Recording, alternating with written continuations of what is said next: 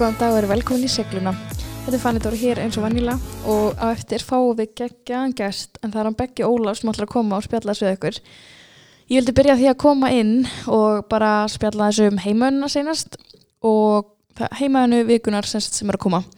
Mér langaði reyndar að hafa heimavinnuna svona svipaða og eiginlega bara söm heimaun og var senast þannig ég mælu með því lusti á senasta þátt með og Þorstinni sem að var með, kall, með kallmennskuna til að læra bara með það og líka heyra hvað heimaveina vikuna var. En við langast samt að setja eitt lítið verkefni inn í vikuna. Og það er bara til að fá svona aukna veljan í einu tíma og ég talaði um senast sem á bara að vera að njóta. Og það er að hérna, ringi einhvern eða, eða hérna, bóka, bóka hitting með einhverjum sem að þið getið tala við og þið treystið. Og einhvern sem að þið vitið að góða lustandi og þetta koma þess inn á í þættinum eftir einhvern sem er góða lustandi og getur gefið ykkur eitthvað inn í einan tíma. Þannig að ég ætla allavega að gera það og markmið mitt í vikunni er að hitta allavega þrjá vini eða fjölskyldu meðlemi og eiga bara svona geggar góðar samræður þar sem að það er engin pressa að vera eitthvað annað en ég er bara 100% að segja sem hvernig maður líður og hvernig tilfinningarnar eru að koma inn í þennan vetur. Og nýja árið bara 2020 þannig ég ætla að gera það og ég ætla að gera það á huppu. En eins og eflust viti þá er huppa styrtaræðili seglunar sem að ég er svo óendalega þakklátt fyrir og gefur okkur svo ótrúlega mikið en það í seglunni. Og ég ætla allavega að fá mér einu snýti vikunni. Ég veit ég segist að ég ætla þrjá vini en ég munur að glenda að fara þrísvar að fá mér ís en ég ætla að fara þrísvarsunum neða svona, ok. Ég mun örgulega på því að gera það.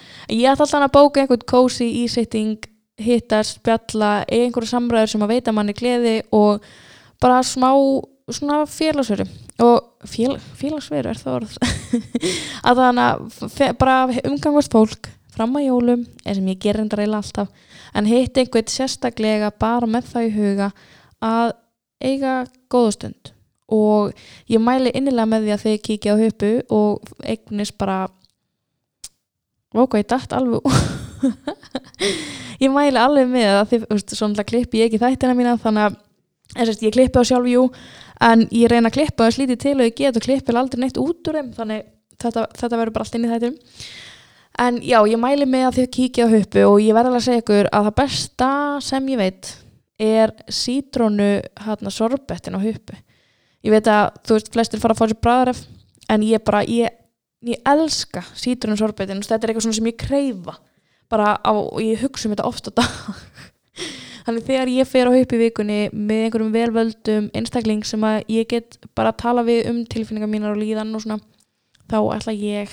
að fá mig sítrunum sorbeit á haupu, ég taka haup aftur fyrir að vera styrtaraðali þáttarins og ég held að sé bara snild ef við bara byrjum að spjalla við hann begga því þetta er fárálega góði þáttur. Ég er svo ótrúlega peppu eftir hann ég er að taka intro eftir þáttin og ég er bara, ég er ég sko, er hausnum að springa ég er svo peppuð og bara svo, það er svo geggjað þáttir, þannig ég mæli með að þið bara sittist niður með glósubók og skrifi niður það sem við erum að ræða hérna eftir því þetta er það mikilvægt þannig að ég ætla bara að bjóða hann begga velkomin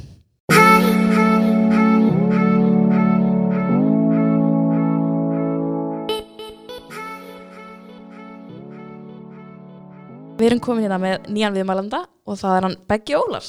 Verður velkomin?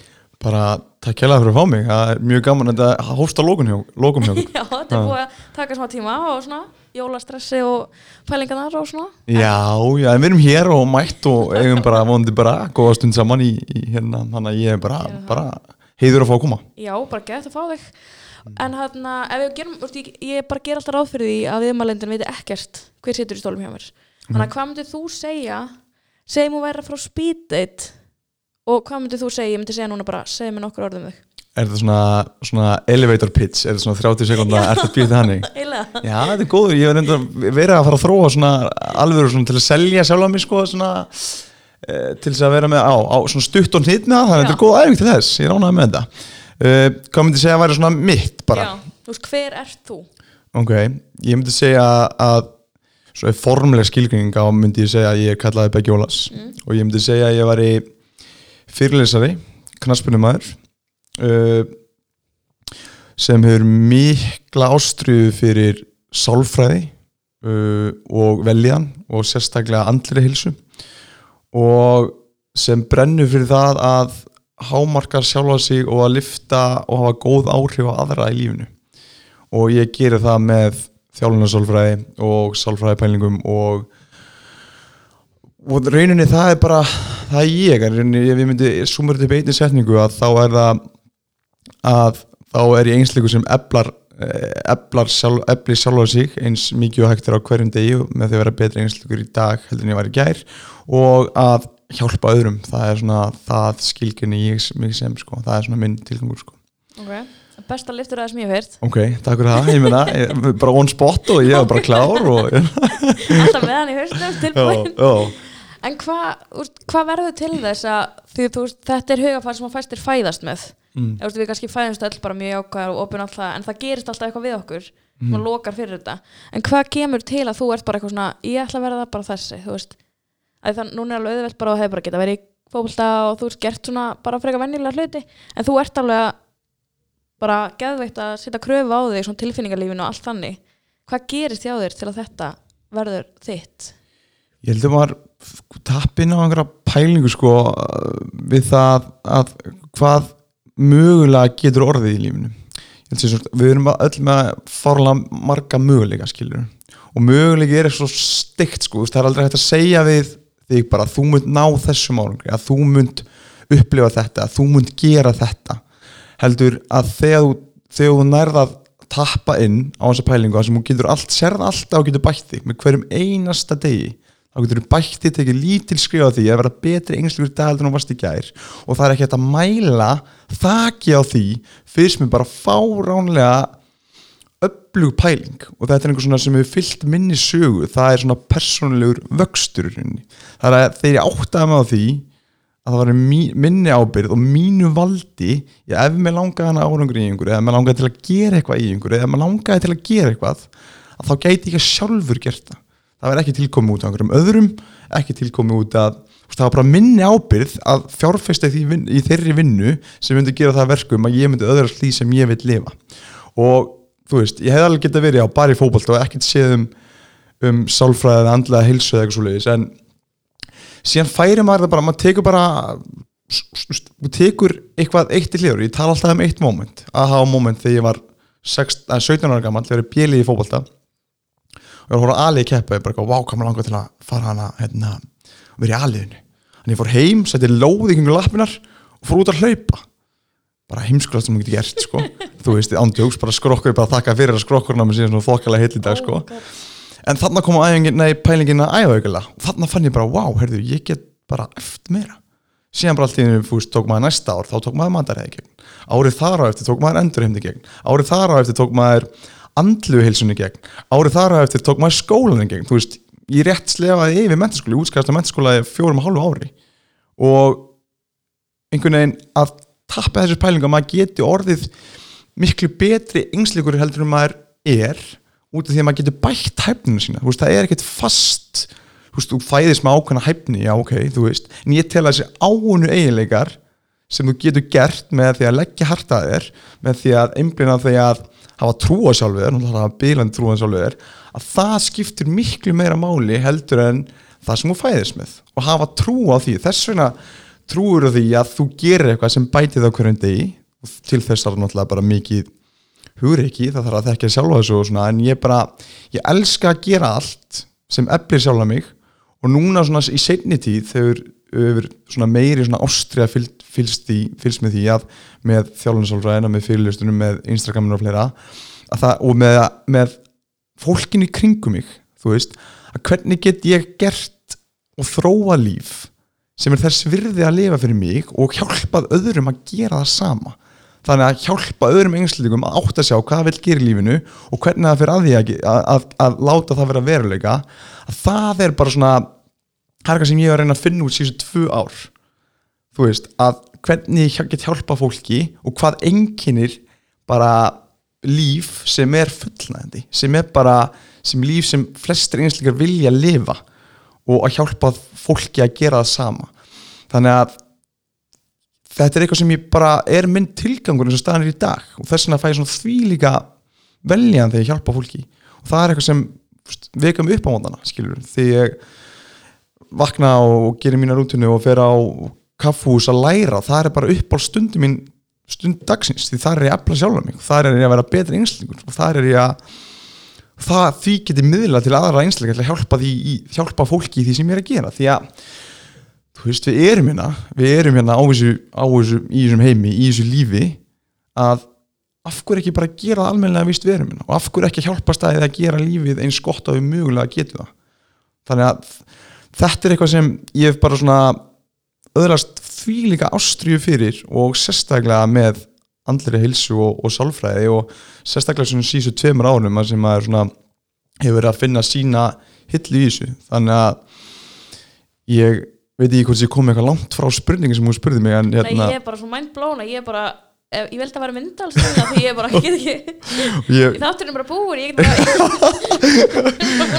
en ég fyllist alltaf svona, já, ég verð svo líka svona ástríðfylgur og, og, og, já, og svona, svona þegar ég byrja að tala um þetta en þetta er bara þetta er bara ég og þetta er bara sem ég trúi því að við eigum að vera hérna til að ebla hvort annað. Og ég held að með því að gera það að á eins mörgum sviðum að hægtir í lífinu að það er það er sko, það er unar, það er lífið þú veist, allir þessi daglegu vennjur, þú veist, við erum alltaf að býða eftir því að vera hamingisum þú veist, klára prófin, þú veist að klára skilur, Já, shit, ég menna, þú veist, að hugsa um í miðjum prófin, bara djú, getur ekki beðið þegar þessi prófi séu búin, skilur eða ja, þú veist, maður er að klára erfið að vinna maður er að gera eitthvað ógæslega krefjandi í vinnunni eða í lífinu, þú ert að býða eftir einhverju og þú er kannski að sækast þetta kannski markmið, þetta er kannski ekstrim dæmi, þú sækast þetta markmið í ár eða þrjú ár, þú ert að býja þeirra markmið þú öðlir að það verða veruleika.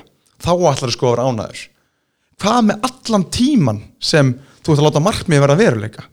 Hvað með alla dagana sem þú ert að býja eftir að vera hamingisamil, það eru daganir sem eru lífið, það eru lífið. Þannig að allir daganir sem þú ert að býja eftir að vera hamingisamur að það er lífið, það er ekki þessi stutta tilfinning sem þú færð daginn sem þú klára próf, daginn sem þú klára erfiðaverjumtörn, daginn sem þú nærð markminninu því að við þekkjum öll, við mætum hana, upplifum ánægi smá stund, sér þetta bara svona hvað næst? Ég, mað, just, ég held ég að verði þessu orðslega ham, ég myndi upplifa bara hamingu, upplifa stað sem ég myndi vera bara hamingu samar því ég er íslensmestri fókbalta en myndi komast í aturmesski fókbalta ég var íslensmestri fókbalta ránaður svona, svona smá svona góður í 1-2 daga. Sem var ég bara, veist, er þetta hvað núna, hvað er, hérna, hvað er næst? Veist, á, á ég átti ekki átti að vera bara með lífið bara þú veist, á reynu og hérna er þetta ekki bara átti ekki bara langarði hamingisamur þannig að ferlið og það er þessi tilgangur það er þessi sem þú gerir dagstæðilega að hjálpa hjálpa öðru fólki og efla sjálfur sig. Og það er þetta líf sem er að halda mér gangandi. Því að, þú veist, mjög veist, er skemmtilegra að þegar ég læt vinnan sem fælst í því að láta markmið vera veruleika eða, eða hérna, að, að vinnan sem lætur eitthvað vera veruleika, já, er unni að það er ánægilega ferli fyrir mig heldur en þegar að verður að veruleika. Og af hverju, því í ferlinu verður miklu betri einslikur, þú verður miklu öflugar einslikur, þú lærir svo mikið og tekst á erfiðleika og tekst á hindranir þú gerir mistök þú verður miklu betri einstaklingur það, og mér skiptir ekkert öllu máli hvort ég næ markmiði mínu ekki sko. skiptir mér miklu meira máli hvað einsleikur ég verði ferðlun að láta markmiði vera veruleika og það, þar fæ ég veljan þar fæ ég ánæg þar vex þar, þar, þar verður personalum vöxtur og það er og, og, við hugsaum alltaf um hamingi sko. þú veist, ég útskýra hvað hamingi er jákvæð sálfræði sem ég er í er einn stór hamingi fræði í rauninni sko. þannig að ég er svona ertu hamingi samverð ekki, þetta er stór spurning og hvað er hamingja, það er ekki að sama verið kannski mig og einhvern annan aðalega það að við Íslingar lítum á hamingju svolítið sem bara jákaða tilfinningar. Uh, ják, ánægileg augnablík þú veist, það er ammanlega partíi eða þú veist, góða stundir eða eitthvað svolítið að það er semst bara jákaða tilfinningar mínus til, neikvæða tilfinningar? Það er bara svona að þú upplýðir eitthvað jákaðið og það er svolítið hættuleg með þessa hamingju því að þú veist það hefur verið prentað inn í okkur að eina sanna markmið lífsins á að vera hamingisamur í lífinu. Og það er svolítið svona í okkar vestrana samfélagi að þú veist, þú veist að stefna að vera hamingisamur ok, það er vandamál. Þú lítur að hamingja út frá þess að við því að hvað þarf að gera út ekki hamingisamur þá líður þér eins og sért einhvers konar mistök. Og við vitum það að lífið er þú veist, því að þú ert ekki að uppfylla það sanna markmið samfélagsins skilur, sem hefur verið prentað inn í okkur. Því að lífið er ekki bara eitt stað sem er hamingisamur, lífið er lífið heldur, inniheldur töp, sigra, sorg gleði, hamingju óta, kvíða, ánægu og það er allur skalinn sem lífið hefur bara bjóða. Og það þannig finnst mér vandamáli hvernig við skilgjum hamingju, en síðan er svona þessi æðri hamingja sem er meira að þetta er í þetta að samþykja sálási að vera með persónulega vöxt í lífinu að vera með tilgang í lífinu að vera með jákvæð samböndi kringu þig að gera eitthvað að ebla sem einslíkur að hugað heilsuninni að, að þetta er svona einhvers konar aðeins æðri hamingja ekki bara hamingja upplýði einhverja ákvæða tilfinningar. Og það gerir verkum í þeirri hamingju út af því að lífið er fárlega erfitt lífið er eins og grunnir í bútisma ég segi þetta oft í fyrirlustum að segja alltaf lífið sé þjáning sem stoppa þess að tala. Og það er alltaf allir svona hlæja og ég, bara, ég meina þetta. Og hérna því að lífið er ógeðslega erfitt. Að fullt af vonleysi, hindrunum, erfiðleikum. Þú veist, það vita allir bara lífið það er fárlega erfitt á lífið sko. Og mjög stað svolítið jákvægt teik á lífið því að þú veist að það sé erfitt og veist að lífið sé þjáning að þá er maður sammála því að öll umfram þjáning sem lífið er að maður á að reyna að minka hana eins, eins, mjög, eins og mögulegt hægtir þannig að í þessari æðri hafmyggju þá er pláss fyrir erfiðleika því að lífið inniheldur fullt af erfiðleikum. Og það sem enginni fólk sem er hafmyggsand í lífinu það er ekki að það lendir í færri erfiðleikum það er hvernig að það á við erfiðleika. Því að það nennir engin að heyra sögur sem allt gengur upp og þú veist, við ástæðan okkur við fýlum að fara í bíó. Þú veist, það er að því að af hverju heldur þú fýlir að fara í bíó? Mér stórlega þröndar Ok, sorry, af hverju heldur að flesti fýlir að fara í bíó? Skilur Bara að því að það gerist eitthvað, þú veist, erfitt og svo verður gott í endan Þú ert að, þú að, þú ert að fara á algjöra pælinguna sem enginn er bara flest, flestar bíómyndir, sérst Flesti segja að það er bara gaman að fara í bíó. Bara, hm, nei það er, það er ekki nóg. Ok, það er gaman að höfða bíó. En það sem enginn er alltaf, þú ert að horfa mynd þú ert að horfa hetjuna í myndinni það lendir í einhverjum erfiðleikum, það kemur alltaf inn eitthvað svona upp eins og the Rings að Gandalf kemur og hann segir að Frodo þurfa að fara að eða hringnum og hann neytar að fara síðan ákvæður hann að fara í æventýrið lendir í fáránlega miklu mærunleikum sko, ég meina að þú veist þegar Frodo er umvafin í einhvers fokking sko kongulóða við hana bara ekki fræðilegu möguleik að fara að lifa þetta af sko og maður heldur bara að þetta er bara búið sko. Þessi endar þetta alltaf með því að einsleikurinn nær að loka margmiðinu, eða nær því að að, að, að, að verða í rauninni á nær að rýfa sig úr erfuleikunum og hafa góð áhrif á samfélagi að sjálfa sig skilur. þannig að þetta er ástæðan okkur við elskum bíómyndir. Og út af því að þetta tengis líka okkur. Allt sem þú hefur ekki lært allt sem þú hefur lært var einu svona ólært. Og þá þurftur að fara í svona ævindinni að, að gera eitthvað sem þú vissir ekki alveg hvað að fara úti veist, einhver óvisa, einhver smá kvíði. Þú veist, eitthvað sem þú verðum alltaf vita hvernig hlutur er enda. Þannig að, þannig að veist, það er ekki hægt. Þannig að stundu það maður bara fara í ævindinni út af því að við þurfum ævindinni, við þurfum smá kvíði við þurfum smá óvisu því að þú ert bara að gera það sem er þægilegt og út af því að við sækjum oft í þægind eins og ef við erum býðið fyrir moment sem við ykkur líður hamingisamur en við erum að líða, getur ekki beðið að líða þægilega sko. mm -hmm. síðan endur við þægindum þú veist, þú getur verið þú getur leiðið þægileg sem stellingu heimi en það líður að því að þú þurfur að breyna stellingu sko. það er bara 100% Ég var svo lítil í mér fyrir þetta viðtal og svo sunnitaður í mér eitthvað og svo er ég núna bara eitthvað svona það er alltaf að fokking springa sko. Já, sorry, ég, ég held sér líka sko komin á okkar randinu, ég er búin að fara Nei, þetta er geggjað sko, þetta er geggjað. Ég er búin að fara, hérna kannski um einhver viðvöld, en það tengir svona allt saman sko, og en þú, þú vilt ekki þú, þú, þú, sko, eins og með utalansverðir, þú veist, þú verður þreyttur eftir ákveðin tíma. Flestir verða bara tverju og að djövel geta ekki betur að koma heim, komast heim í rútinum mm -hmm. það er alveg ástæði fyrir því því að við fungurum ekki til þægendum þú vilt ekki þessi þægindi. Jújú, þú vilt eiga tífumbil sem þú líður þægilega og það getur verið gott, gott að blessað og það er bara nöðsöld fyrir marga að þrýsta sér í þægindin.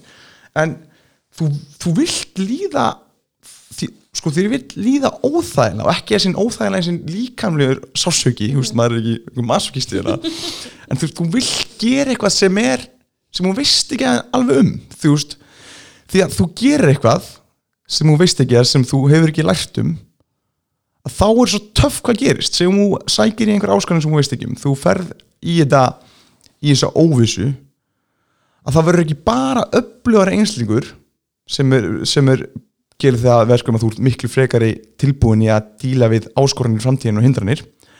Sem gerist líka að þú getur haft góð áhrif á heilan. Mynd, það mynda snýri og sterkari taugabröyti þegar þú gerir eitthvað nýtt þú lærir eitthvað nýtt.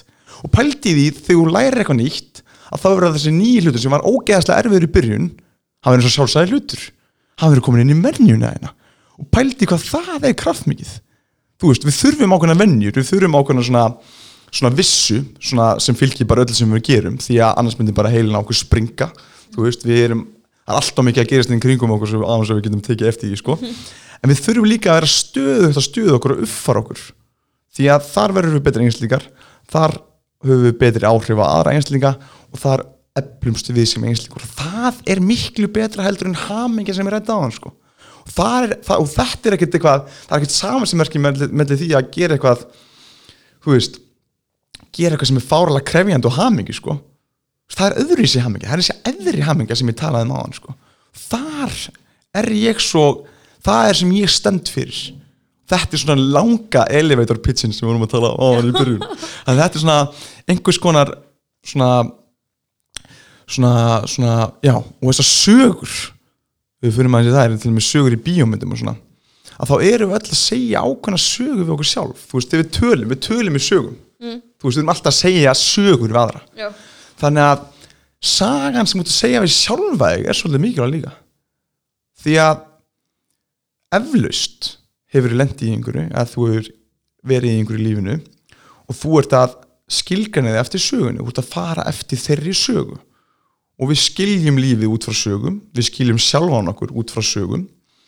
Og sagan sem ert að segja við sjálfa þig því hugsaðan lendir í einhverju og tókst eftir einhverju sem þú lendir í eða einhvers og leiðis að sagan sem ert að fylgja núna er kannski ekki alveg rétt. Af hverju segja það, því að hugsalega var eitthvað hugsalega hefur eitthvað gerst í middeltíðinni sem þú tókst ekki eftir sem var kannski þvílið gott.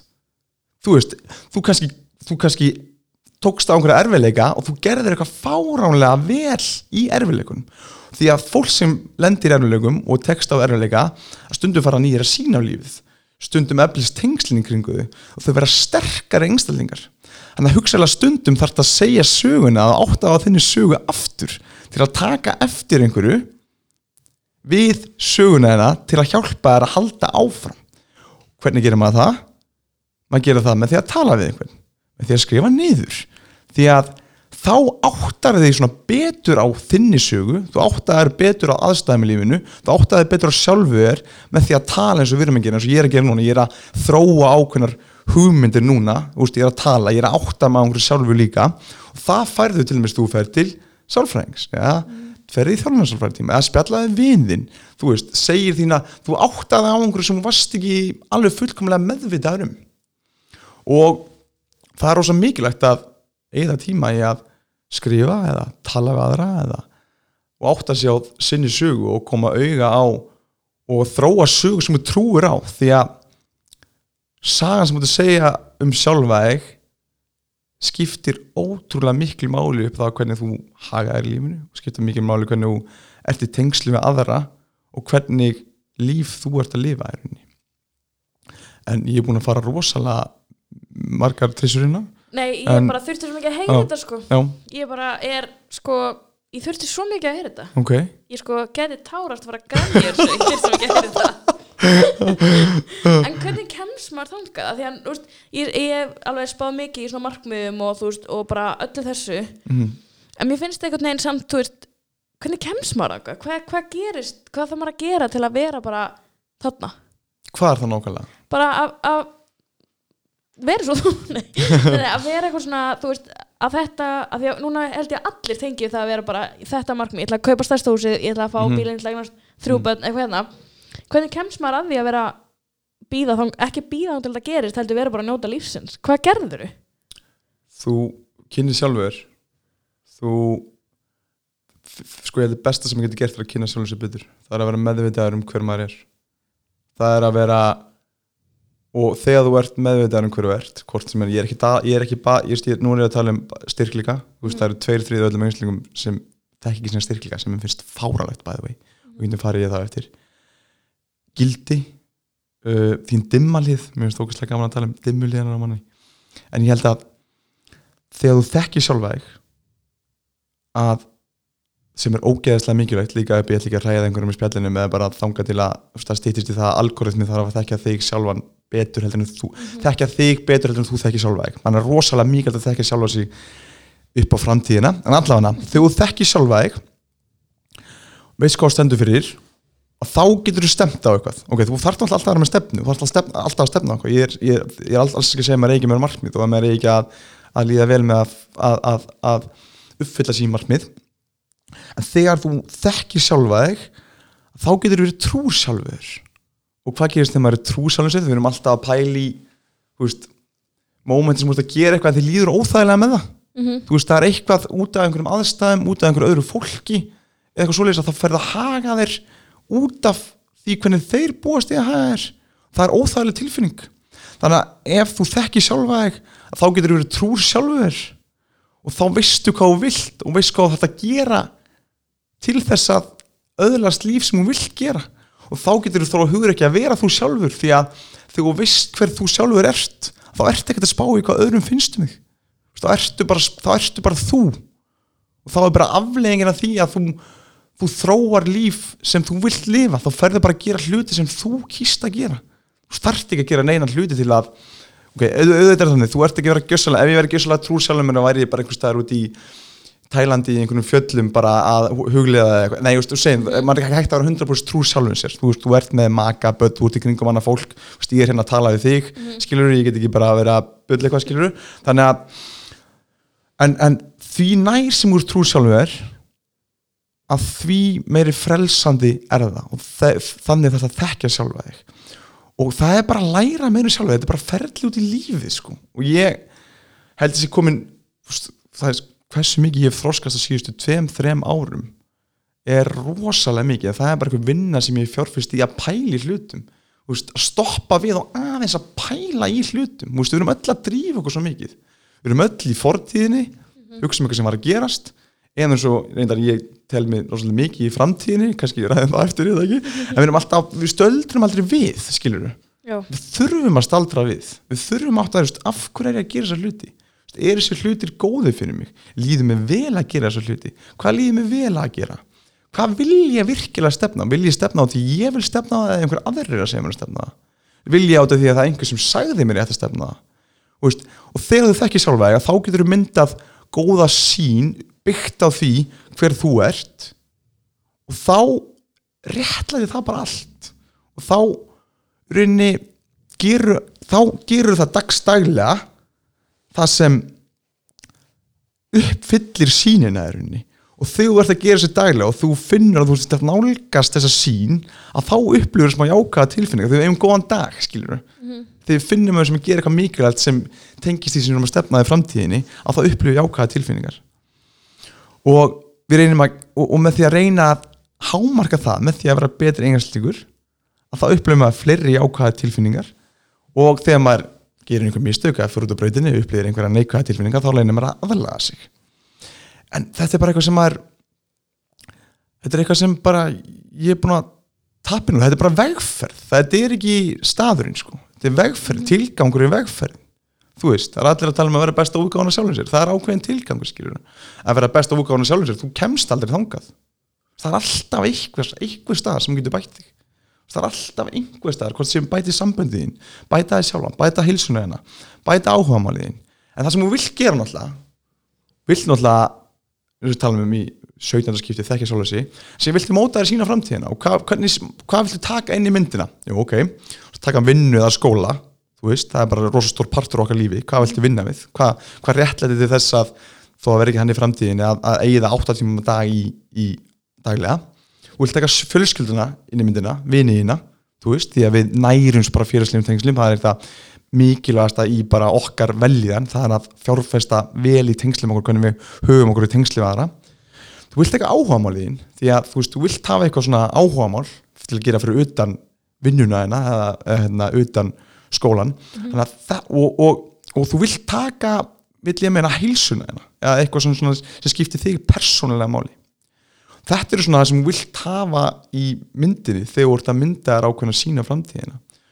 Og hvernig kemst maður eitthvað með því að skrifa með því að tala með því að ímynda þessar framtíðina. Hvernig líf viltu lifa? Og síðan tekur þú lítil skref í áttin á því að láta þetta líf verða veruleika. Og það er bara flókið, þetta er flóknar en að segja það sko. mm -hmm. en það tekur bara tíma. Þetta er ekkert svona, þú vaknar ekkert upp bara á mándagsmotni bara hérna herru ég er búin að fatta þetta mér ég er bara alltaf að gera þetta þú veist, jú, þú fattar kannski hver tilgangurinn með því að leita á hannum sem er mjög erfitt. En þetta er einhvern veginn svona þú færist alltaf bara nær einhver og nær. Þú veist, þetta eru lítil skref. Lítil skref var það alltaf á stórum breytingum sama hvort þú lítur sko. Þú veist, þannig að eins og tala um, múum gera einhvern einn betur hlut í dag, þú veist sama hótt er, þú veist, einstaklega sem hreyfi sig fyrir fimm minna göngutúr, þú veist, flestum myndir bara fimm minna göngutúr, ekki alveg slefti ég bara, nei, frábært. Sem að ekki fimm minna göngutúr í viku. Ok, herðu, gætur kannski ég fara að taka tíu minna göngutúr? Tegur það í tvær vikur.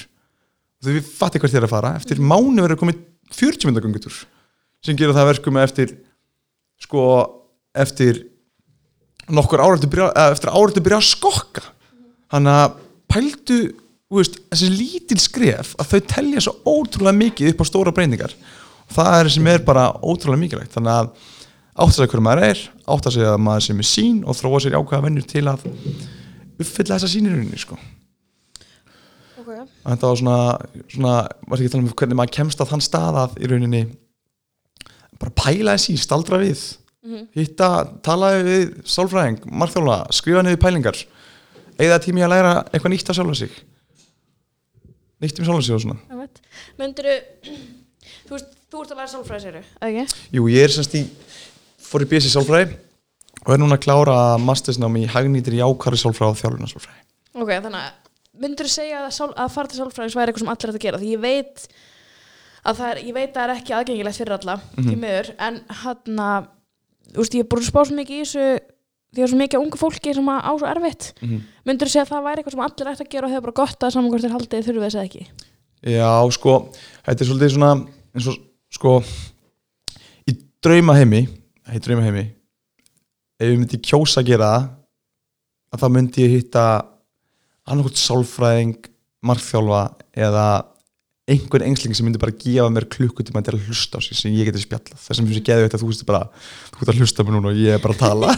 Þetta er ákveðið sálfræði tími hérna sko. en ef maður sérstaklega, fyrsta er náttúrulega bara ok, sálfræðingur ég er ekki sálfræðingur ég er, ég er að stefna því að vera þjálfuna sálfræðingur sem er svolítið öðru í síðu sko. okay.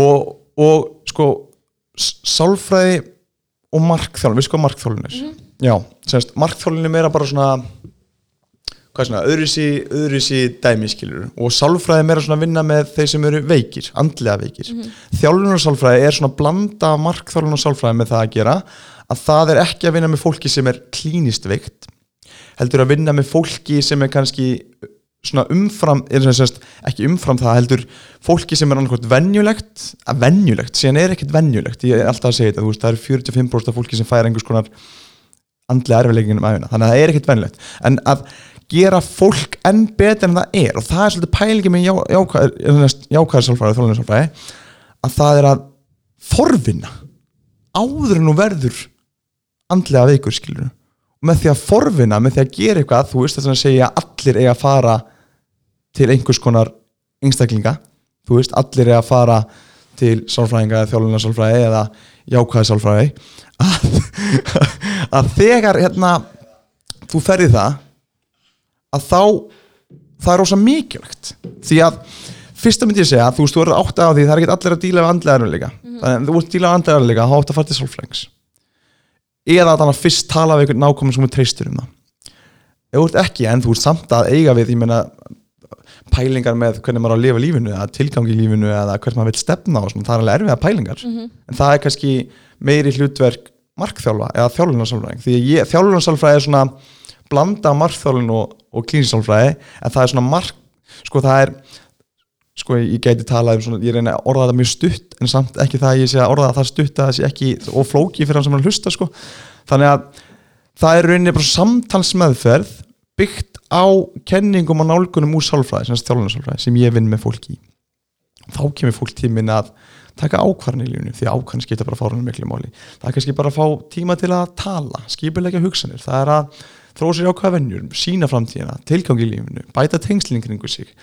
Uh, bæta sér í íþróttum bæta sér í vinnu, bæta leiðtöðarni það fær allt eftir hvað fólk er að koma til að vinna því en til að svara spurningunni, því ég er alltaf að svara með svona lungum á það að ég held að allir myndu njóða góðs að því að tala við einhvern.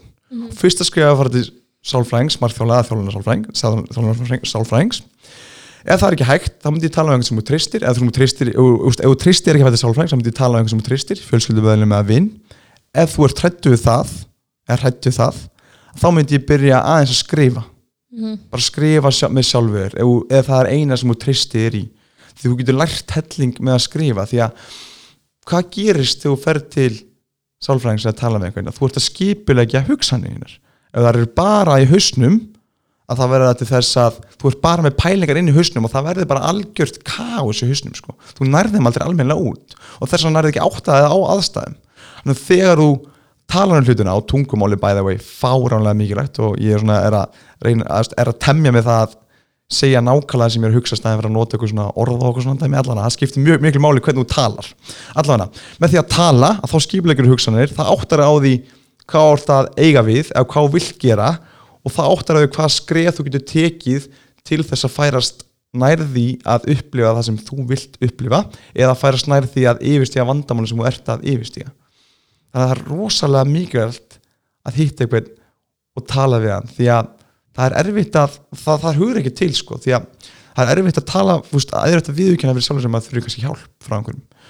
Og en eins og ég segi, draumaheimi væri ég kannski svona tvísvar í viku ef ég svona orða þetta, breyti frá einu sinni í tvísvar í viku mm. að þá fengi ég bara klukkutíma til að tala og er þið bara að hlusta á mér. Og ég ger eiginlega oflítið að ég skrif eiginlega of mikið. En þegar þú farð með annari manneski þú farð annað, aðra svona díalóg, þú farð Já. öðru sér sjónamið þannig ég reyna alltaf að fólk til mín og ég vill ekki gefa ráð ég gef ekki ráð semst. ég er ekki ráðgefi ég, ég frekar fæ einsleika tími sem vinna ákveðnum ólurum og ég hjálpa þeim með ákveðnum samtalsmeðverð með ákveðnum krefjandi spurningum með ákveðnum nálgunum úr sálfræði með ákveðnum samtalsmeðverðum sem hjálpar þeim að átta sig á því sjálfur hvað þau þurfa að gera til að halda áfram. Og þetta er mjög mikilvæg og góð pæling sko. En eh, fólk skimur til mín og geti alveg sett eitthvað verkan að borði bara þetta er, henni, þetta er virka fyrir þetta en ég, þú,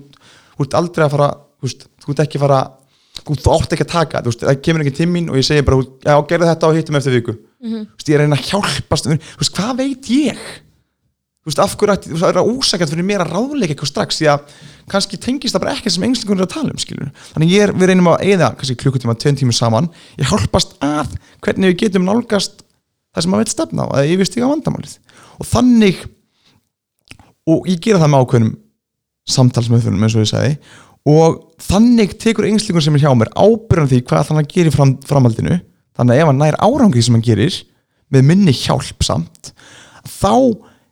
segir hann, heyrðu, ég gerði þetta. Ég, þetta var ég sem ákvaði að gera þetta allt skilur, og fólk sem kemur tímin og fær ákvæmlega spurningar og hugsa svona upp á þá er bara svona, ég svona var eiginlega bara kannski, var eiginlega alveg með þetta. Og svona, en að, já, þú varst alveg með þetta en þú þurftir að fá þessa díalóg til þess að halda áfram skilur, þú þurftir að fá annars sjónum með krefandi spurningar með svona ákveðnum nálgunum úr, úr sálf, og aðfyrir úr sálfræði sko.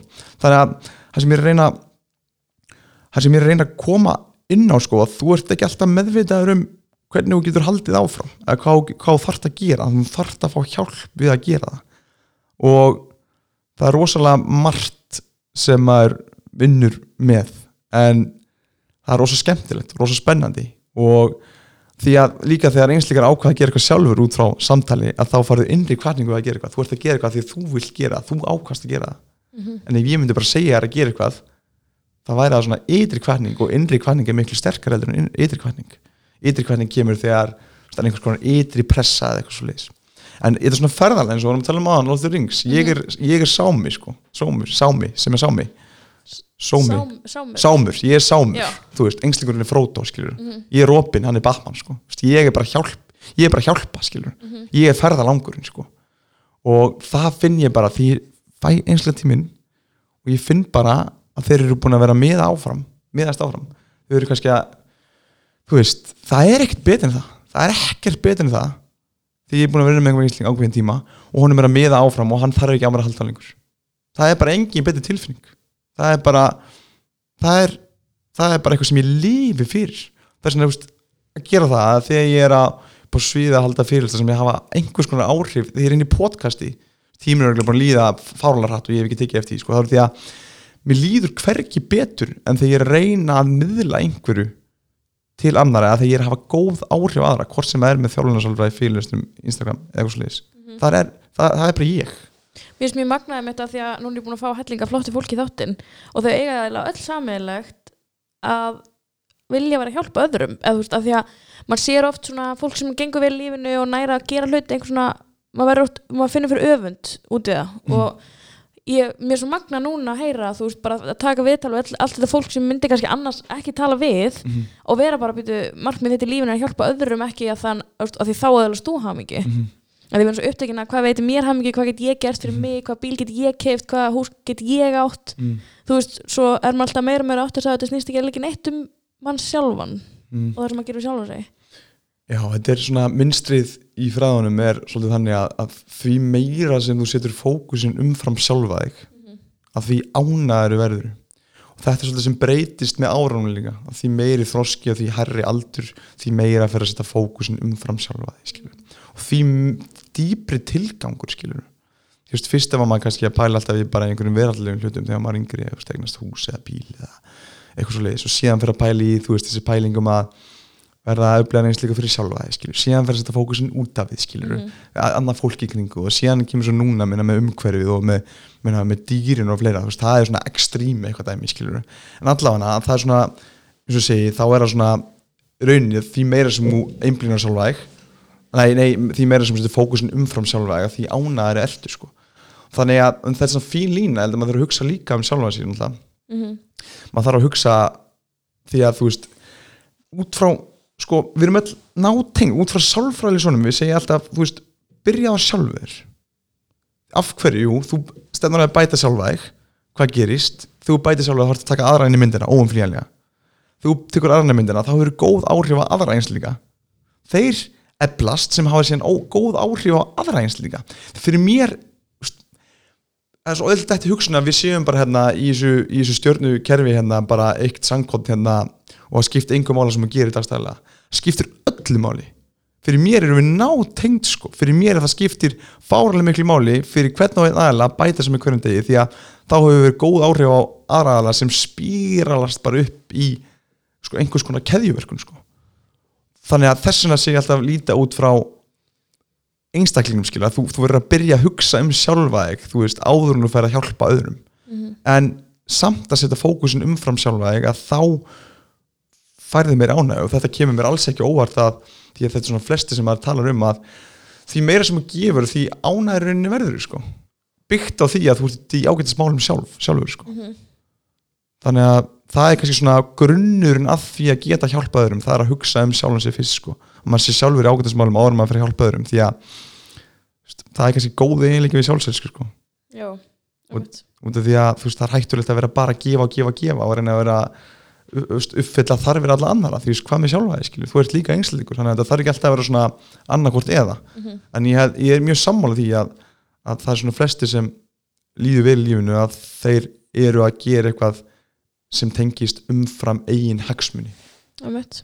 En núna eru fylgjendandi mínir og þeir sem fylgjast með á samfélagsmiðlum mjög ofta beðum um að spurja í podcasti hvernig þú setur, ef fólk bara sem kemur setur sér markmið, Mhm. að það er svo rosalega misamt hvernig fólk setur sér markmið Mhm. og rosalega misamt hversu langt hann hæra að fylgja markmiðunum mm og ég held að þekkjum alveg mjög vel öll að vera bara, að þetta var ekki alveg markmið sem ég setti mér eða eitthvað, allir eitthvað, ég ætla að hlaupa- hlaupa ekki ekki marathon eða svona bara sem allir gera maður bara ég ætla að gera þetta. Og svo er ég bara hverju vil ég gera þetta? Hvað, til hvers er ég að þessu, ég langar þetta ekki. Mm -hmm. hvernig myndur þú setja þér, og hvernig myndur þú ráðleggja þér að manneskja sem hefði aldrei sett sér markmið?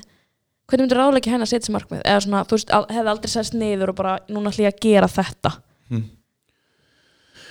Ég myndi eins og ég tala um á hann ég myndi setjast niður og ég myndi ímynda mig framtíðan eftir hálft ár, eitt ár, þrjú ár, fimm ár. Mm ég myndi ímynda mig hvernig líf ég myndi ef ég myndi leggja hart að mér þá væri þetta að ég væri að uppfylla markmiðið mitt. Bara hvað væri ég að gera, með hvernig væri ég? Uh, hva- hvað væri ég hvað væri ég nákvæmlega búin að afreka? Ég myndi ímynda mig það og gera það bara oft í tengsli við þessi dæmi sem ég tók á þann sko, með félagslegu tengsli með persónulega og vinnu. Og þegar ég er búin að ímynda mér það þá myndi ég skrifa það niður. Bara, og þegar maður skrifa niður þá er ekkert þú getur alltaf uppfært það.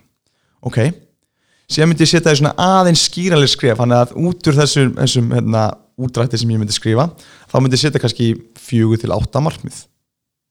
Þá myndi það bara vera þú veist, ég vil vera heilsamleiri ok, það er eitt markmið komið. Ok, þá myndi ég spyrja af hverju viltu vera heilsamleiri skilur, af hverju viltu vera heilsamleiri að hugsanlega líður mig betra því?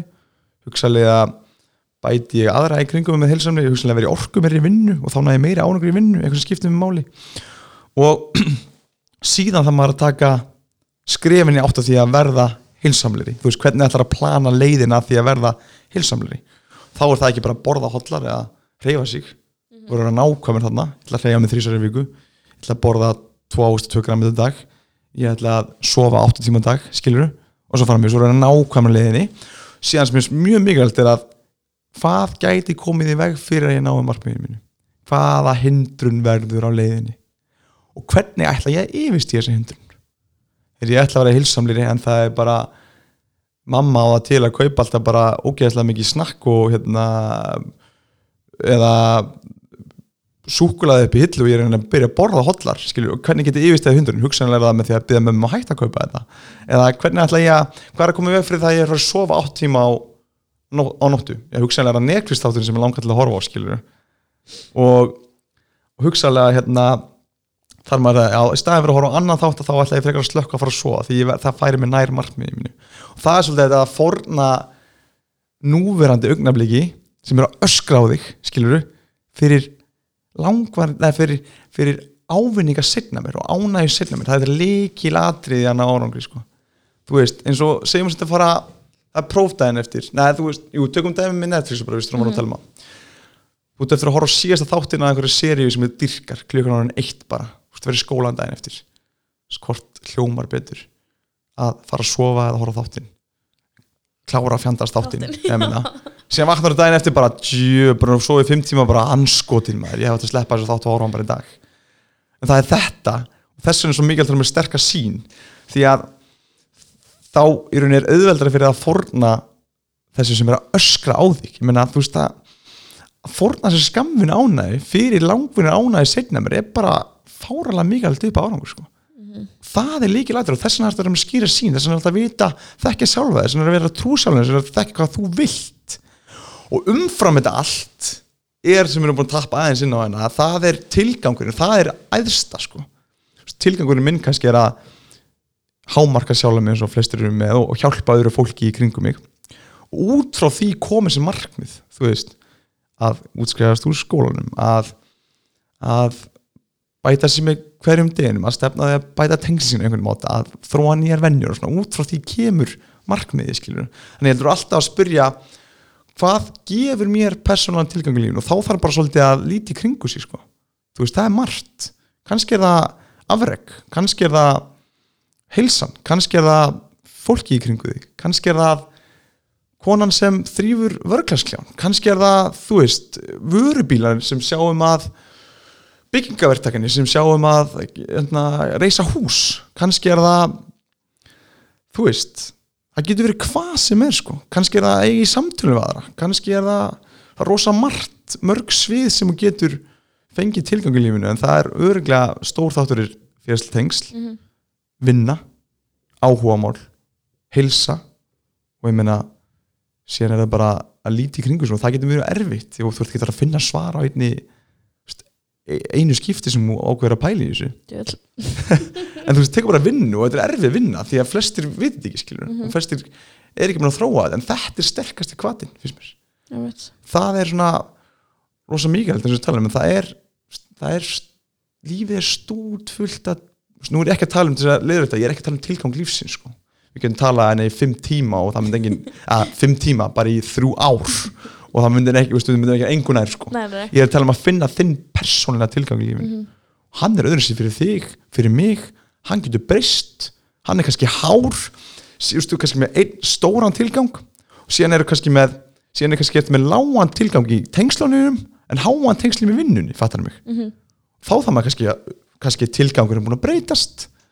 Og þetta er allt svona veist, og ef við til og með sko því að segja breytast ámar að breytast. Þú veist, það er alltaf að tala um veist, hérna, veist, fólk er hættu breytingar. Fólk er að móti breytingum skilur veit. allir að móti, veist, að gera eitthvað nýtt allir bara, hvað ertu, vissum þetta, hvað, hvað er það hérna, en, og líka breytingar er erfiðar því að þú ert sjálfur að díla við einhverja óvissu og eitthvað kvíða og svona. Þú vilt breytast, þú vilt lítið eftir fimm ár og erum bara, hefðu hvað var, í- hvað var, hvað var í gangi hana fyrir fimm árum bara, þú veist, var ég bara svona? Þú veist, þú vilt breytast. Það er bara máli, sko, við eigum að breytast. Það er svo mikilvægt að þóra að breyta sér. Þóra að gera sem maður vill því að það sem þú kannt að meta núna mjög ólíklegt að þú kunnir að meta það eftir fimm ár þó að sé kannski eitthvað, eitthvað þeir líkt. Það er mjög líklegt að þú munir breytast og þú ætla bara að ríkhalda í hinn það sem þú varst fyrir fimm árum þá er það hugsanlega ekki að gefa þér að sama og, á, og var að gefa þér einu sinni. Og það er svolítið hræðilegt því það getur verið tengsli í hvernig bara sjálfuð okkar er skilur og að, við erum búin að skilgjana okkur sem eitthvað ákveðið ógslag langa tíma en síðan er það kannski ekki að gefa okkur neitt lengur. Þú veist, það getur ógslag erfitt að henda því í burtu og þóra að breytast og finna eitthvað nýtt. En það er að fallega við lífið sko. það er fáránlega margi möguleikar í lífinu. Þú veist, hva, hvað viltu gera, hvað viltu verða? Hvað viltu, hver viltu verða því að það er hægt að gera, það er góða við frelsi það er hvað, hvað er mikið bóði hvað þú getur gert og kannski, og það vonda við frelsið að það, það er allt og mikið í bóði Já. þú veist, talar um, ég spyrir núna bara værið til í að fara að velja á milli bara sjampóa sem væri 50 eða, þú getur farið í búð sem væri 50 tegundur eða 3 tegundur, hvort myndur þú velja? Þrjár. Myndur þú velja 3? Já, og svo ógeðslega mikið Já, 50. ok, ok, en ég held að flesti myndir velja bara að kjósa, að miklu betra að velja, velja frá 50, skilur þú veist, þú farið meiri val, en það fyrir meiri tími að velja 50, Já. þú veist þú ert ólíklega til að vera sáttara með valið. Það er hvað, hvað hefði ekki já, það já, já, þannig það er svolítið svona galli við það þetta frelsi sem við höfum, skilur að, að það er svo margt sem við getum gert. Þannig að hvað ég gerir þetta ok, þá gerir ég þetta ekki árið hrættur um að missa þessu. Ef ég gerir þetta ekki, Ég mátti að missa einhverju. í rauninni, skilur hvað með að aðeins að fækka möguleikunum og keira á einhverja möguleika veist aldrei hvernig lífi verður. Þú veist aldrei hvernig lífi byrjar, nei, endar. Þú veist aldrei hvernig framtíðin verður, skilur við viljum vita það, en stundu það bara taka eitt skref sem Frodo gerir í þegar hann segir hann að ég hef aldrei komið ja, langt frá fyrir því aldrei taka eitt skref í óvissuna því að lífið er bara ævintýri og því að þú byrjar af einhverju og tristi ferðlunda þetta, þetta, þetta kemur bara ljós. Þarft ekki alltaf að vita allt fyrirfram Óvissa og svona tilveru kvíði það lætur maður bara vera á lífi það lætur maður fatta að það er eitthvað mikilvægt sem ég er að gera í lífinu og það er að vera letjandi, það er hvetjandi en þú veist, ég myndi ekki nenn að lifa lífi sem væri bara gjössanlega þægilegt og bara ég myndi vera gjössanlega flatur sko. Þú ert líka að tala sko við manneski með greindan og þessu kvíða. Veist, ég bara mega ekki á þessu. já, En eftir ég átta, eftir, eftir ég fótt í sálfræðing svo var bara, skilur, hvað er málið hérna með þetta? veist, og þá sá hann bara, þú er bara með óvissu kviða. Bara, þú veist, þú vilt vera bara með viss við, við allt vita framfyrir þá er ég bara, ef eitthvað veldur með kviða eða óvissu á úþægindum, fer bara að gera bara að gera þú veist, eða, eða þetta, þetta og mér fannst það svo erfitt að fara í búð. Og slá výrt og ég, svo er ég óslega spennt þegar það var að kaupa netin og láta senda heim sálfræðingur, bara nei, nei, nei, já, þú mátt ekki gera það. Já, þú já, veist, já. þannig að bara fara í búðina og svona hlutir sem að eru sem að hefði geta verið alveg mjög auðvelt að bara navigeta og þurfa aldrei að gera. Já. og þú veist, af því veist, það er inn í hausnum og mann er bara þú ert að dega, þú ert að dega, þú ert að dega og maður er bara fuck, fuck, fuck, ég er að dega, ég er að Já. dega hérna. þú veist, og svo er maður bara eitthvað ó, ég fór í búðin og gerst ekki neitt. Þú veist, ekkert. Nákvæmlega. Og þú veist, þetta er veist, ekki það, veist, ég er ekki að segja að það geti allir get tekið þetta hugafar Nei. en það var mjög langt svona ferli að vera bara veist, það tók mig ár að vera bara eitthvað fyrir búðina Mhm. og kaupa klósetpapir, ég gæti ekki klósetpapir því að það var bara svona major mál bara búið stækka og stækka í myndinni skilur Mhm. þannig að þetta er þetta er mjög mikilvægt að vera líka að leifa sér að breytast og vera líka ekki að beðast afsökunar á því maður heyrir svo ofta eitthvað, hún er bara breytt Mhm. er það ekki bara lífsins gangur eða þú veist hvað er slæmt við það ég myndi segja bara mjög jákvæmt já, Þú veist. einmitt, þú ert ekki að breytast þá að gera eitthvað rátt sko nákvæmlega mínum að en já, og fannst þér þá það þurfti vantilega hellingshugur ekki til að, að framkama sér skref. Já, ég fekk bara lista með hlutum sem mér fannst óþægilegir sem voru alveg margir svona hverstagslutir já, og ég þurfti að vera bara ég fæ sko, fæ svona kaldan svita og hugsa um allt.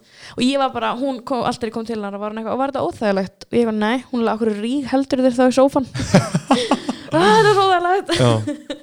Og það er bara búið að taka ár skilur að vinna í þessu sem Mhm. óvissu kvíða sem ég held að væri að því svo maður líka með svona fordóma fyrir úr kvíða og þunglindi og, og vera kannski eins og að vera minn, minn helsti svona, mitt helsta issue var að vera úst, ég var bara, ég get ekki verið já. ég er bara venjuleg 24 ára gömul, koni, geta ekki skilur hérna, Mhm. að því maður er með svona einhverja stereotypuna af því sem það er. Já. Og ég var bara í þessu að gera allt þetta óþægilega og dref sko. Mm. þetta er svona eins og ég sé líka munur kannski á tilveru kvíða og svona klínisku kvíða svo mm. nefnum það, en allavega að þá erum við að tappa á góða pælingu hana sko því að þú veist, þú, þú vilt hafa reglur í lífinu skilur mm -hmm. þú vilt hafa mjög mikið af reglum í lífinu og í myndar yin-yang symbolið Mhm. skilur þú veist, það þekkja allir hvað þetta er þetta er svona tveir snákar annar er hvítur og það er svona doppað inn í miðunni Mhm. og hinn er svartur annað svarta semast, það er tákt fyrir óvissu. Það er tákt fyrir svæði sem hún veist ekki og það er allt sem hún veist ekki. Skilur, það er allt sem getur farið úrskis, það er allt sem getur komið óvænt. Það er allt sem þú getur látið verða að veruleika er sem er hvítasvæðið og það er svona regla. Allt sem hún veist og svo framvegis. Og í úst, allt sem í venjuna einar reglunar og allt þetta. Og það, það í því svæði getur alltaf getur komið óvissa. Mhm. en í svartasvæðinu getur alltaf komið ákveðin vissa úr svartasvæðinu, getur ákveðin komið regla úr óvissunni og þeir tala um táistanir, er tá, tákn. Þeir tala um að tilgangu lífsins sé þarna á milli. Hann að þú ert með eitt skrifið í venju og reglu Mhm. á kannadarsvæðinu annars skrifið í óvissu og svæðinu sem er ekki búin að kanna. Því að ef þú fyrir mikið, of mikið í óvissuna þá verður lífið kaos. Mhm. ef þú ert of mikið í venjum að þá breytist ekki og þú átt að breytast. Og þá þig ekki sem einslíkur og þú verður að gera því því meina, guðan, guðan bænum hvað lífið er að breytast á þessum tíma núna sko. Það er ekki hægt að halda upp við þetta sko. Nei, en það sem hún nefndir á hann það er nefnilega algengast að sálfræði meðferðin við kvíða á fælni og svona að það er að láta einstaklinga standa áspænis því sem þau eru hrætt við Mhm. það er ofta skert skrefum þú veist eins og með einhver hrættu við liftu þá er bara að byrja að sína myndaliftu skilur Mhm. síðan er bara hérna kannski hort á liftu liftu vídeo eða eitthvað. Síðan hort að liftu úr fjarlægð. Síðan er svona skref og skref síðan þetta komið kannski tíu myndar frá liftunni síðan byrja ít á takka á liftunni og síðan þetta komið svona skref og skref hann getur út að geta farið í liftu upp og niður. Mhm. það er hellingshugur ekki til sko. Því ég held að maður kannski verði ekkit maður verði kannski ekkit minna hrættur ég held að maður verði bara hugrakari og þegar þú verður hugrakari það áttar á því að hræðsla sem er kannski hlut til innbyggðu okkur líka sem er búin að búa mikið til að hún á ekkit rétt á sér sko. Mhm. en hún er mjög eðlileg því hún á sér líffræðilegar ástæður líka skilur eins og þú talar um skilur hún er þróun til að þú veist heru, bara heru, ég þarf að drulla mér í burti hennar sko því að ég geti verið drepin sko. Ég veit. en við þurfum ekki á þessu að halda dag og þess vegna er svona áhært um varst nef- nefnaði raunin það að hún leti gera hluti sem þú varst, varst trætt við skilur Já, það er bara líkil atri hún sagði mér líka svo, svona, svona að því ég var ekki að fatta þetta, þetta möndlu dæmið hann já, já, já, já, að því hún bara, við erum að endurlega þetta þetta á þér. Mm, og ég bara, já, ok, og hún sagði mér sögu og, og svona, hvernig ég geti ímyndað mér þetta. Mm. að því við köllum þetta alltaf fokk á köttin.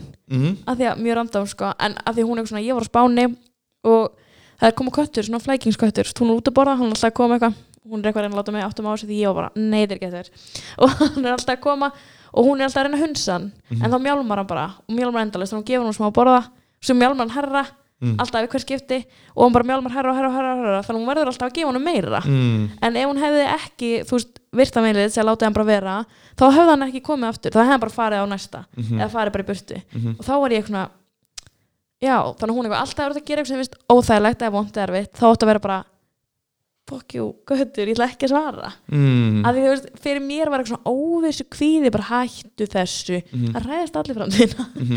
svo var eitthvað, mm, nei, það geta allir verið í búð, Mhm. eða fólk getur allir verið í búð skil, Mhm. svo er ég eitthvað, ég skil ekki liftu kviða maður, Mm. þú veist, ég var bara þessi bara, hvað Mhm. menur þau, fyrst þessi lifta gerst þú er bara fastur, skilur, Mhm. svo er eitthvað, get ég ekki verið í Já, þetta er svo fyndið, skilur.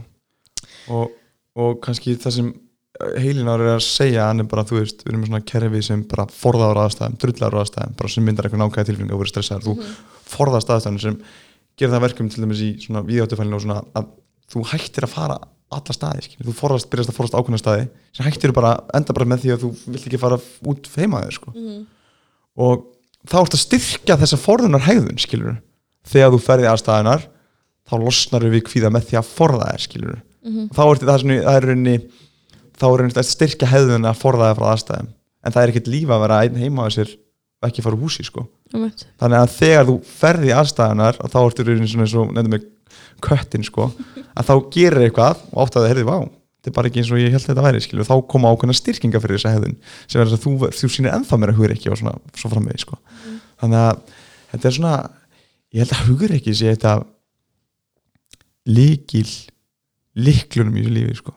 Hugur ekki per se hugur ekki að vera þú sjálfur hugur ekki að stefna á eitthvað hugur ekki að efla sjálfaði, hugur ekki að takast á hluti sem þú hrættur við því að það er ógeðslega margir hluti sem áttar að hrættu við sem þú gerir bara ekki einn fyrir því sko.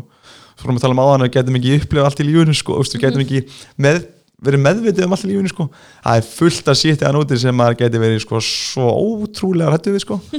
og veist, sem er bara gott að vera ekki meðvitað um af sko því að svo farlega takmörku sko, því að það er svona vídeo í sálfræðinni þá að það telja svona, svona, svona rannsóð sem var gerð þá ættur að telja svart og hvítli sem var að kasta kauruboltamilli Mhm. og ættur að telja sendingarnar í manni hvort það var svarta eða hvítaliðinu og hann átt að telja bara eitthvað svona og átt að fylgjast með því og eitthvað svona. Síðan, síðan er bara vídeo búið og allir bara herði hérna 25 eða eitthvað? Síðan segja hann að sáu þið hennar svörtu góruluna sem barði á magan á sér í miði vídjónu í 10 sekundur allir bara, ha? Nei, komur þér þá syngt vídjóð aftur að þá er, kemur górulun eftir svona 20 sekundur stendur svona fyrir framann kameran nánast og ber svona í brjóstin á sér að þú veist, í Já. miðjum körubólta sendingunum og það taka mér fáir eftir górulunum skilur fattar þú?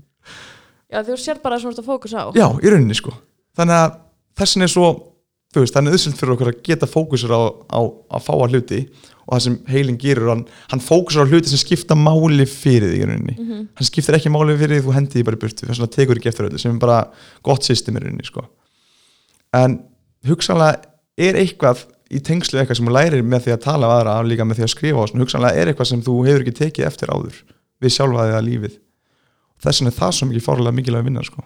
hugsanlega því það er svo margt í lífinu sem þú veist ekki um sko. Og þess vegna það bara fárlega mikilvægt að fjárfæst þeirri vinnu. Og mér finnst alltaf vinsalt að segja að því meira sem ég tel mig vita eða meira sem, því meira sem ég veit að því meira átt að ég á mig því ég veit ekki neitt sko. mér finnst það falleg hugsun sko. því þá get ég alltaf verið að bæta mig og að vita eitthvað, þá get ég líka átt að mér að því að það er allir að dílaði mismöndur raunveruleika. Þú veist, hvernig þú sér mig og ég sé því er allt annað í lífið, skilur og það er fallegt, sko, við þurfum að þú veist, ég sé alltaf, þú þú vilt ekki vinna samræður, sko. Þú veist, það er eitthvað svona, þú vilt vinna samræður þú vilt, þú vilt vera með eitthvað þú vilt fá annan sannleika frá einhverjum öðrum, skilur þú vilt eigi samræði með annan sem er kannski ósamanlegar Mhm. og það er eitthvað, þú þarf þú, hver, af hverju átt þú að hafa rétt fyrir þér, skilur hvað veist þú? Þú veist, jú, þú getur fært ykkur rauk fyrir því en það er ógeðslega góður eiginleiki að geta tekið önnur sjóna með inn í myndina því að þú veist ekki allt um lífi sem þarf að vita sko. og ef þú veist það þá ertu á röngur hillu sko. ef þú teluðu vita þá ertu ekki að gera þá ertu ekki alveg á réttri hillu sko. þannig að þú vilt geta sagt sælningan, sagt það sem er á þér að brósti sem er rosalega mikilvægt það er að segja það sem er líkur sér að brósti það er að segja það sem er að hugsa ég held að það sé fáralega mikið til bara framtíðan líka sko. því að það allir svo hrættir að koma sín skoðanir því að, þú verður bara niðin eldur skilur þannig að, að því að hvað gerist þegar þú átt í samræðum þar sem tveir sannlingar koma. Það hugsa að kemur einhver svona millifur sem myndast ákveðinu svona góðar góð leið framundan skilur til þess að þetta rífast í makaðin eða eitthvað skilur það er bara, þú veist, þú vilt ekki vinna makaðin skilur því að þú ert að búa um magaðinum, þú ert að sofa um magaðinum þú ert að alveg krakka um magaðinum og hugsanlega vilt ekki vera með lúsir. Þú veist, þú vilt þú vilt að báðir aðrar vinna og það með því að segja sannleika og með því að geta byggt sjálfa og fengi annan sannleika inn í myndina sko. mm -hmm. og ég veit ekki hvað ég fór í þessa pælingu en ég er svona er aftur, Já, aftur ég, ég er aftur bara dottin líka því ég með herðartól þannig að líður svona eins og ég sé bara ég er svo sónu inn sko, mm. ég ég, aldrei tala ég að blíti og veri jafn sátt með það sko. ég er svona, ég er aftur hínum með borði sko, mér finnst oft mér finnst það eiginlega að tala einsleika sem ég þarf lítið að spjalla en stundum mm -hmm. vil ég náttúrulega spyrja spurningar skilur en oftast finnst mér mjög þægilt bara svona öðru sín nálgun þegar einsleika bara tala og er bara með munræpi og hérna, eins og ég er búin að eiga augljóslega núna einhvern tíma. Það er gott. Og þú ert góður hlustari. Já takk fyrir. Ég það er ekki það heyrðu, þú veitum minna aðra pælingu hann að maður. Það er, ein, það er sára fáir sem eru góður hlustarar. Já ég fór á kvanámskeið já og þar svona, ég, ég hef alltaf verið góður hlustar en ég tala svo mikið að Já. ég einhvern veginn er ofta að tala sjálf. Mm. Anna, en ég fór svo mikið að spá í þá hvað er mikilvægt að vera að því að hlusta. Því ég er líka, ég er með aðtiklisprest og ég er, þú veist, ég er svo eðveld með að vera bara hægt að spá. Mm en svo undanfæri ég byrja að svona þróa mér svona, mér erst fólk svo magnað. Mm og mér er svo gaman, og sérstaklega þegar ég byrja með, ég er svo þakklátt fyrir segluna mhm. að því mér er svo gaman að hlusta á fólk. Mhm og ég er svo, mér finnst fólk svo magna og það sem það er að gera og ég er bara svona þú veist, mm -hmm. ég er alltaf bara svona mindblown inn í hausnum og mér er bara bara hvað, bara bara fara að gera og skrifa Já, ég skilða vel Það og, er svo mikilvægt sko Já og sko ekki margi með þann hæfileika sko, þú veist þú vilt ekki vera einstaklega sem fyrstalega þú vilt ekki vera einstaklega sem toppar alltaf söguna mm -hmm. eina frendi minn í sínasúpinni, þú veist, þú vilt ekki vera ságur sko. mm -hmm. þú, hérna þú líka sem við gerum nákvæm nánastöld, skilur við þú vilt heldur ekki vera að hlusta á einsling og þú ert bara að hugsa um hvað þú ætlar að segja og þú ert kannski bara að hugsa, hlusta á hann í tíu mínundur sem gerir það verkum að þú ætlar að segja eitthvað sem mást að hugsa sem tengist ekkert umræðefni mm -hmm. og veist, við erum alltaf erum svo sjálfselsk í grunninn að við erum alltaf að reyna að koma okkur að sko. prófa að hlusta sko. mm -hmm. og vera forvitin það er ótrúlega að fólk segja og bara hlustar bara þú veist prófa að vera forvitin um að vera forvitin einhver besti eiginleika sem ég veit um Já, í samræðan líka, líka því að, veist, þög, að þau er ekki alltaf tilbúin með eitthvað svar Já. þar gerir þetta í þögninni veist, fólk eru hrætt við þögnina. Já, fólk eru þögn óþægileg. Hvað ef hann heldur að ég veit ekki hvað er að tala um Já, já, já, það er svolítið pæling sko. Þannig að maður er, maður er hrættur að vera bara Já, ok Já. áhugavert, en þú veist Já, eða hvað meinar það með því, eða hvað er það að tala um? Veist, ég skilði þig ekki alveg, það er eins og við maður séum ég verða að vita nóg mikið um þetta því hann er að segja mér eitthvað mikil sem ég á að vita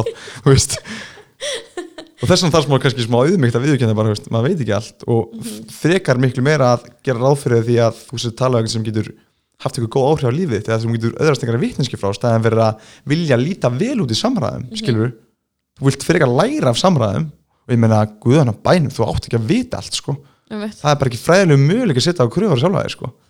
það er bara, ef þú ert að setja þar kröfur sjálfæði þá er það með rángar kröfur því að það er ekki hægt að vita allt sko. það er ekki hægt að vera inn í öllu þess vegna er, finnst mér ótrúlega gaman að vera forvitin og spurja fólk ógeðslega mikið út í það sem er að gera og svona, mm -hmm. skiljur, hann að auðvitað er þetta svona þannig að ég til dæmis hlusta mjög mikið í hérna minni vinnu og þess að dýrka ég að koma og þú sér bara ég er bara hægt ekki að tala veist, ég er oft með eitthvað heima og ég er kannski búin að lesa og skrifa um daginn og síðan er ég bara svona hildur í sófónum ég er bara svona og ég er farað með þessa pælingu til hennar. Nei, hún er oft djúb og hún er að hlusta með hann ég er bara, ég er að geima þetta bara. En það er, það skemmtilegt sem ég gerir er að detti í oft dettu við, ég ætla ekki að setja hildi eða út fyrir bóksi við dottum ofta í einhverja samræði sko en ég held að hún getur bara verið þreytt því að hausin á mér er konstant. Hann er konstant sko og það er svona vandamál sem maður hefur verið um, slökvað á honum alltaf, ég veist andjóks, bara alltaf í ákveðnum augnaflingum, að mjög oft þá er ég bara hvernig þessi ákveðin að fara á að ára á mig framtíðinu, ég get ekki slögt það það er bara, hú veist ég stend fyrir framann einhver ákveðin og bara hvernig mun mig líða eftir þrjá tíma eða á morgun Verður aldrei þreytur að því? Jú, Já. ég var alveg til að slökka það ég er nefnilega sko, þetta er svona þetta er svona ekstríma fórna skamverðin ánum ég fer í langunni mánu sko. mm -hmm. vilt hafa það svona en þú vilt líka bara sko, fáður bara hérna pítsu á þess að þurfa átt á því að þú veist, þú vaknar daginn eftir og hefur viljað fá þig salat mm -hmm. eða vaktu bara verðt aðeins lengur vakandi og bara góð stund með vinjunum eða eitthvað ánst því að pæla að þú ætlar að vakna klukkan 6 eða 7 til að fara í ræktina skilur, um því að þú vilt byrja að vinna í því sem þú ert að gera skilur, þetta er svolítið að taka lífina alvarlega, þannig ég vil slökka þessu. En hva, hvað pælingu voru allt verið í hérna á undan? Við vorum í hérna ég man ekki, við byrjum að tala um framtíðina ég vorum að tala um að e, í hvað er samanræð með það ekki? Mm -hmm. það skiptir bara svo miklu máli sko, því að þú ert teimöðu góða samskiptið þú ert að hlusta og þú ert forvitin og svona. Að það er svo mikið forskátt aðra í samfélaginu sko. Því að þú farði ekkert svona einsleika hverju strái sko, það er ógeðslega erfitt að tala ekki um sjálfa sig. En þú færst svo mikið fórskot aðra því að einsleika sem voru að tala við hann kann svo fáránlega mikið að meta þig fyrir vikið þú veist, það er actually verið að hafa á, áhuga á mér hann hefur bara áhuga sem ég þarf að segja. Mm -hmm. og hann mun kunna að meta þig fyrir mikið. Hann mun tala betur um þig við aðra fyrir vikið, tengsin eitthvað munir betri. Því þið eru að tala um eitthvað sem skiptir máli en ekki eitthvað merkingulegs kæft að eitthvað því að dreymdi mér nótt, skilur þú veist, það er öllu saman, skilur eða þú veist, svona alvöru samræður. Ég já. dyrka svona samræður og ég já, ég bara dyrka að enda í svona samræðum því að og líka bara, það skiptir svo miklu máli hvernig þú ert í við samskiptum við annað fólk sko, mm. hvernig þú bregst við þegar fólk segir eitthvað. Það skiptir ótrúlega miklu máli. Og veist, ef einhverju segja það frá einhverju góðum hlutum í lífinu hvernig bregstu við? Ferði beint að tala, hú veist það er svona fjórlega til að bregast við, segjum hún að það fá stöða hú veist, en að ég kemur heim, maginn, er ég að fá stuða eitthvað og hún getur sagt bara annarkvæmst bara hérna bara hérna næs farið síðan aftur í síman það er einlið leiðið með tvö það er bara, já, er, eskan, ég var að fá stuða eitthvað já, ok, ég var að hafa að hakka spagetti í matinn. Hvernig hérna, hvernig hljóma það? Það er svona bara skiptum um ræðni. Mm -hmm. síðan er það nummið þrjú sem er svona eiginlega vestar sko. Það er ástin, ég var að fá stuða eitthvað hvað með krakkana? Hvað með tíman, þú veist, vart ekki, ekki upptekinn eða, hvað hérna, ertu vissum og viljir þessa stuðhækun eða, er ekki hvað, þú veist ertu ekki stressaður að byrja? Og svona, svona svara, svona benda neikvæðilega, síðan bara jákvæðilega þú veist varstu á stuðhækun, já frábært, segð mér sem meira. Hvað varstu að upplega að þú fekk stuðhækunna hvað hérna, hvað ertu að upplega, hvernig verður framtíðin og hvað hérna, hvað hérna hvað, hvað er fyrst skrifinstarfun sína áhuga, þú veist, það skiptir svo miklu máli því að þá þá er þetta að hafa áhuga einslingum og hann upplegar frekar jákaða tilfinningar umfram það að segja frá jákaða mögnablikum mm. þannig að hann er líklega til að segja frá jákaða mögnablikum í framtíðinni. Það er bara svo margt þú veist, líka í samskiptum með því að vera ákveðin með að segja það sem líkur á sér á brjósti skilur, ekki alltaf að láta trafka á sig sko. voru að segja nei, voru að segja frá sínu þörfum og svona, þú veist að voru að byggjum ákveðin laun að voru að byggjum ákveði fyrir eitthvað verkefni að voru að að segja það sem þú ert að segja staðan fyrir að stöðugt að því að þú veist að segja sannleikan skilur, hann er á tapin að segja sannleikan sem er til ógæslega mikilvægt líka. Þú vilt segja sannleikan skilur, þó hans er erfiður? Því að annars er þetta ljúa sjálfur og þú vilt ekki ljúa sjálfur, þú vilt ekki ljúa þeirum því það kemur í baki að þér. Þú veist, vandamál sem hannast upp. Og dílar ekki við þau þegar það hannast upp, þá hannast þau upp og þau verða það mikil að þú munt vera algjör kaos að taka þau og það splundrast allt, þá splundrast lífið, þá splundrast sambund mm -hmm. en þú tekur það eiga að vera ágræningar í samböndum. Þegar fólk á að takast á og þú ert ekki að takast á veist, það er nóga hlutum til að takast á sko.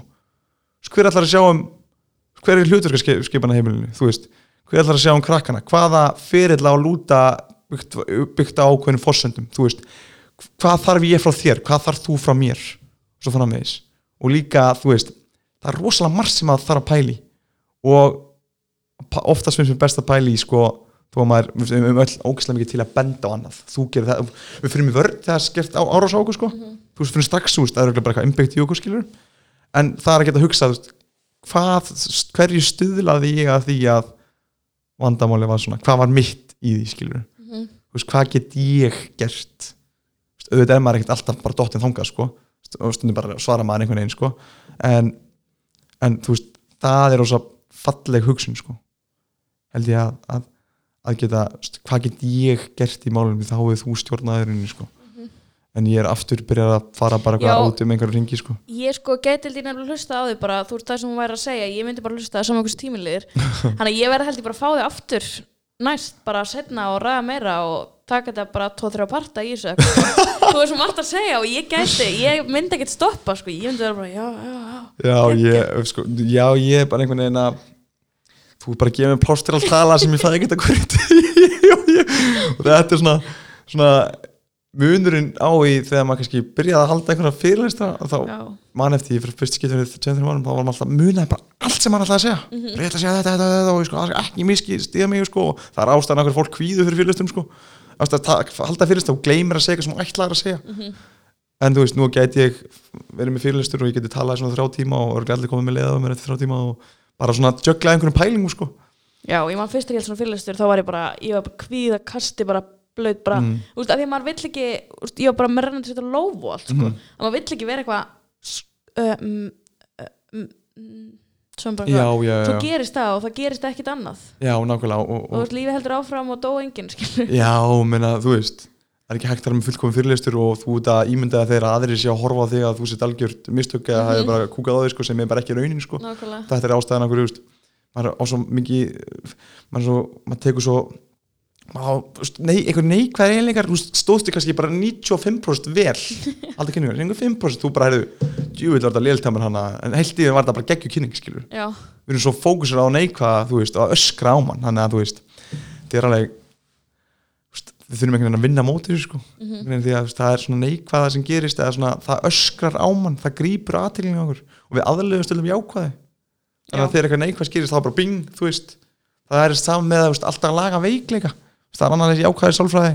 Að þú veist, hvað með styrkleikana hérna? Hvernig ætlar að næra þá? Því það eru það er eitthvað sem gefur tilgang í lífinu, það er eitthvað sem sem þú elskar að gera.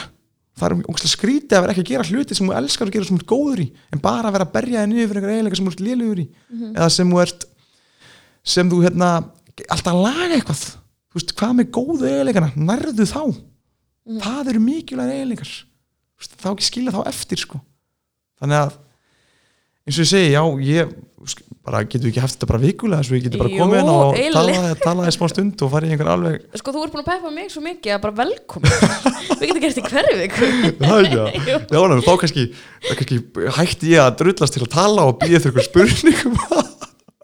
Það kemur sér fjórða þetta, við erum búið með allt sem við getum Það sagt ekki, já. einmitt. Við erum með þetta plana, þannig að þú veist, ég geði svona merki þegar ég get ekki talað meira, bara, að Nei, ég var einmitt svo stressuð, ég bara ég hann var eitthvað, hvað hva ég að segja, þú veist, að ég un, reyna að undirbúa mig aldrei neitt. Ok, mér finnst það geggja, að þá finnst mér ég að læra miklu meira, þú veist, ef ég veit allt um þig, mm, þú veist, ég er bara búin að fylgjast með samfélagsmiðlum og þekki hildi og svona þannig, já, en ef ég er búin að googla og lesa alla greinar og allt sem ég er búin að gera, þá finnst mér ég eitthvað ekki vera nógu mikið svona að forvitnast. Ah, þannig að þegar ég tek viðtöl við einhvern sem ég þekki mjög vel stók viðtöl við tönni og ég þekki hana mjög vel þannig að þá var ég ekki nóg úst, jú, þetta var ég alveg forvitin en það var auðveldra fyrir mig að að vita það sem hún var að tala um. Þannig þurftum ekki að fara djúft í hlutina. Já, þannig að ég alltaf, við, á ég að var neini mættu bara, ég veit ekki hvað að spyrja. Já, að ég ekki tala endalus sko. Það stoppar ekki, ég, ég, ég, ég, ég er ekki með henn að síu. Já, ég hugsa það bara og segja það bara. Ok. þannig að það var gott að hafa bara smá frí og lega þér að tala. Já, bara, sko, það er ógslag áhugaverð góð nálgun, sko. Já, ég veit ekki, ég sko er ekkert mikið undirbúin fyrir Nei, eða veist að því ég bara ég veit að vera sjálf og ef ég, ef ég er að fara viðtal að því ég er búin að fara svo mikið í viðtal bara í kringum samfélagsmiðl og allt þannig mhm, og ef að manneskjan er ekkert reyna að forvitnast um mig eins og ég fór hérna, ég fór bara eitthvað viðtal um þú veist, er samt svona alveg basic hlut bara stílinn, þú veist, fatastílinn minn. Mhm, og manneskjan var ekkert að reyna að komast neitt nær mér mhm, þá var viðtali bara, ég er ekki eins og búin að lesa viðtali sko, að því það var bara ekki já, spennandi og þú veist, þú vart ekki að ná nýju kemur ekki dýft í samræðinu ekki þetta var eins grund þú veist þetta var Já, bara við- en samt já. allt hægt að í sko. Já, sem við til kannski eru líka alveg, þau eru Já, grunn, sko. það er svona fíla í svona podcast að geta verið bara þú veist, hver saman hvers leiki ekki það eins og ég sagði svo mikið aðeinsprest að þú veist, ég get ekki sitt endalust en, en þessna fíla er það sett upp svo mikið að maður getur bara að tala og tala og tala og þú veist, hlusta á sínum fórsendur líka stundum þarf ég bara að hlusta aftur á þú veist, við tala við Söndru Helga þú veist, eitthvað, Já. þú veist, maður þarf bara